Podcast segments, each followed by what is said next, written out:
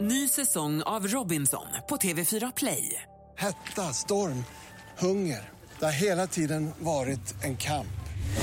Nu är det blod och tårar. liksom. Fan händer just nu. Det. är Detta är inte okej. Robinson 2024, nu fucking kör vi! Streama söndag på TV4 Play.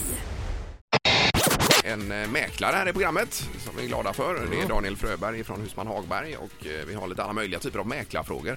För det är mycket om det i tidningarna varje, varje vecka och det är priser hit och priser dit och acceptpriser och budgivningar och annat. Jag har en fråga angående budgivning där. Vad är det mesta du har varit med om vid en budgivning att man har höjt i ett bräde så att säga vid en? I en stöt. Ja, Eh, halv miljon första budet.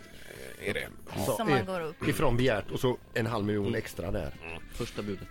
Men hur är det här när man läser en annons eh, och som man pratar om det här med lockpriser och så vidare. Exakt vad innebär det? Eh, tidigare, det kom, uppkom ju i Stockholm Mm. eh, för några år sedan när det att, eh, att en säljare ville ha mycket, mycket mer i, i pris Ja. Mm. för, för lägenheten eller huset men valde att gå ut betydligt lägre än vad, vad de ville ha från början för att få dit mycket folk Mm. Och att de ska bli sugna på huset och det här måste och jag börja ha det här fightas huset. om det och sen ja. att det ska bli så dyrt som möjligt. Just det, men det förbjöds det sen eller hur? eh, Eh, Det har ju alltid varit förbjudet. Vi har det, okej. Så- Så att, eh, men eh, det som gjorde, ju- ju- hände i Stockholm det är att de införde accepterade priser. Mm. Och- Är det det som kallas för acceptpris då? Acceptpris Nej, är en accept- annan eh, historia men accepterade priser det innebär att, att eh, eh, priset som mäklaren går ut med Mm. ska vara inom värderingen av lägenheten eller huset men även eh, vad säljaren kan tänka sig att sälja för. Mm, Ja, också. men så att om de inte får något, om man inte får något högre bud än det accepterade priset, då måste man sälja till den då, eller? Man måste aldrig sälja i Sverige.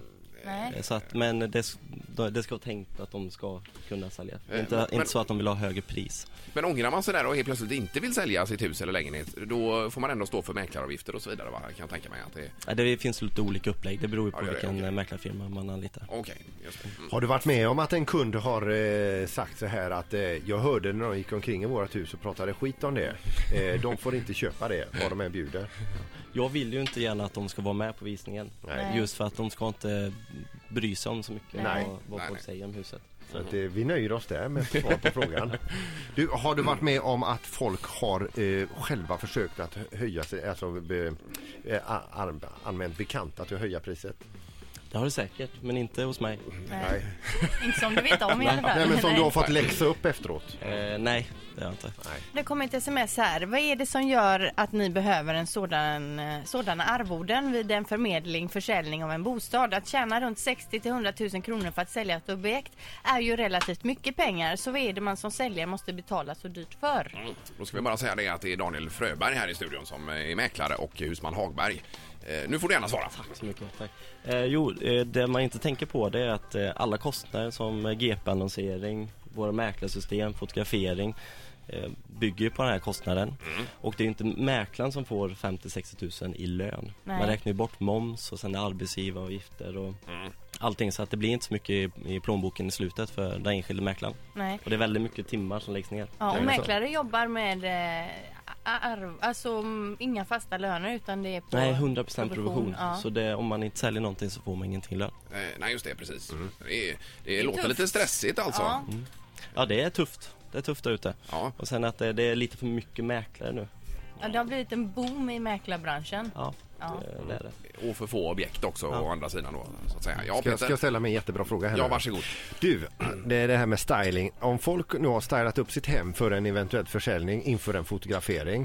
Eh, så jag vet ju bara hur det själv var när vi sålde vårt hus. Man rensar undan. Det är så mycket i garaget och i förrådet, på vinden och överallt. Och så rensar man ut och man ställer dit lite andra grejer. Och plötsligt så ser hemmet helt annorlunda ut och plötsligt så, alltså, har det hänt att folk har tänkt så här, herregud vad fint hem vi har, härifrån ska vi inte flytta.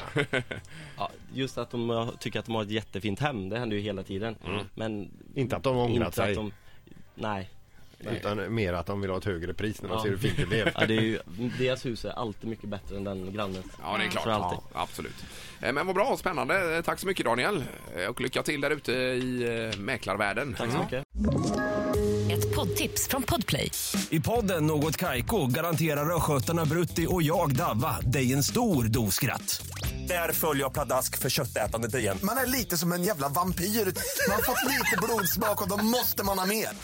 Udda spaningar, fängslande anekdoter och en och annan arg rant. Jag måste ha mitt kaffe på morgonen för annars är jag ingen trevlig människa. Då är du ingen trevlig människa, punkt. Något Kaiko, hör du på Podplay. Därför arkadeinerna.